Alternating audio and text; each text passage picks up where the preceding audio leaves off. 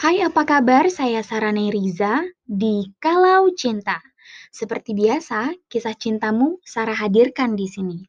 Sekarang sudah ada satu kisah yang dikirimkan satu pendengar. Mari langsung bacakan. Seperti biasa, aku mengantar Nina pulang ke rumah. Meski aku masih harus kuliah jam ketiga. Rasanya tidak tega kalau Nina harus pulang naik bus sendiri. Sudah lebih dari lima tahun, mengantar dan menjemput Nina sekolah menjadi kebiasaan dan rutinitasku setiap hari. Setelah kami lulus dari SMA, ternyata kami masih berada di kampus yang sama. Maka aku lanjutkan saja rutinitas bertemu dengannya kala pagi dan siang, bahkan sore atau malam hari. Di sela aku masih sibuk mencari pekerjaan, aku masih sering mengantar jemput Nina bekerja.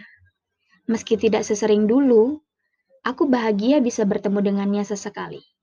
Melihat wajahnya yang ayu, selalu membuatku tenang sebagai laki-laki. Hanya Nina perempuan yang dekat denganku. Hingga suatu hari, dia menyerahkan selembar undangan pernikahan. Terlihat jelas nama Nina dan Bobby pada halaman cover undangan. Tercetak tanggal pernikahan mereka tepat dua minggu lagi dari sekarang. Surprise! Katanya bersemangat sambil memamerkan senyum lebarnya. Kamu kenal Bobby kan? Teman SMA kita dari kelas IPA 2. Kamu orang pertama menerima undanganku ini, Ihsan. Dengan tangan bergetar, aku menerima undangan itu.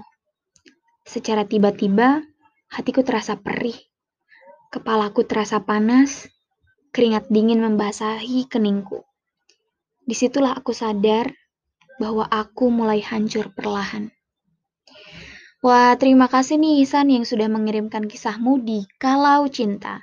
Buat kamu yang ingin mengirimkan naskahmu juga, kami tunggu untuk kami bacakan di sini. Terima kasih.